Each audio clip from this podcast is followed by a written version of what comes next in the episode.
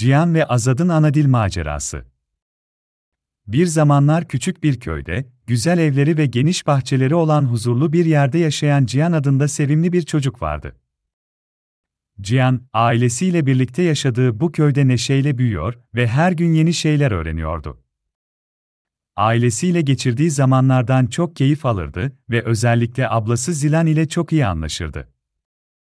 Zilan, Cihan'a her fırsatta Kürtçe hikayeler anlatır ve onun ana dili olan Kürtçeyi öğrenmesine yardımcı olurdu. Cihan'ın en iyi arkadaşı ise Azad adında başka bir çocuktu.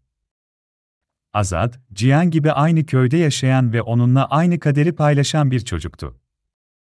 Her ikisi de ana dilleri olan Kürtçe ile sorunlar yaşıyor ve Türkçe konuşmakta zorluk çekiyorlardı. Bu durum, zaman zaman arkadaşlarının ve köydeki diğer insanların onlarla alay etmesine sebep oluyordu. Bir gün köy meydanında oyun oynarken, Cihan ve Azad, özgürlükten bahseden bir hikaye duydular. Hikayede, özgürlüğün Kürtçedeki karşılığı olan azadi kelimesi geçiyordu. Bu Cihan ve Azad'ın çok hoşuna gitti çünkü ikisi de özgürlüğü çok önemsiyor ve ana dillerini özgürce konuşabilmeyi diliyorlardı. Ancak, bazı çocuklar onlarla alay etmek için, ızgırlık kelimesini kullanarak şaka yapmaya başladılar. Izgırlık, yanlış bir kullanım olmasına rağmen, bu durum Cihan ve Azad'ın canını sıkmıştı.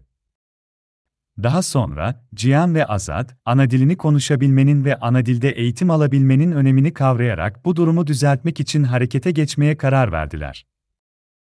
İlk olarak, ailelerine durumu anlatarak onların da desteğini aldılar. Annesi ve babası, Cihan ve Azad'ın ana dilini benimsemelerinin önemli olduğunu düşünerek, onlara küçük yaşta ana dillerini öğrenmeye başlamaları için teşvik ettiler.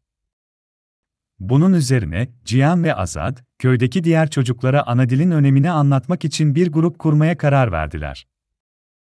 Grubun adı Anadil Maceracıları oldu ve amacı, her çocuğun ana dilini öğrenip geliştirmesine yardımcı olmaktı. Bu grup, köydeki çocuklara ve ailelere ana dilin önemini anlatarak onlara da ana dillerini öğrenmeleri için cesaret verdi. Cihan ve Azad, birlikte çalışarak, köydeki diğer çocuklarla ana dil eğitimi alabilecekleri bir merkez kurmayı başardılar. Merkezde Kürtçe kitaplar, şarkılar ve oyunlar bulunuyor ve her çocuk, ana dilini öğrenmek ve geliştirmek için bu merkezi ziyaret edebiliyordu.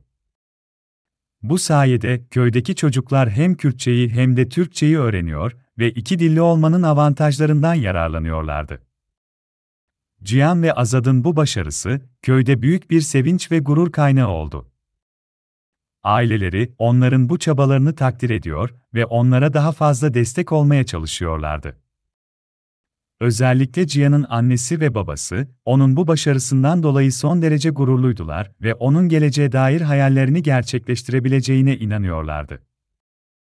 Yıllar geçtikçe, Cihan ve Azad, ana dillerini unutmayarak başarıya ulaştılar ve köydeki diğer çocuklara da iyi bir örnek oldular.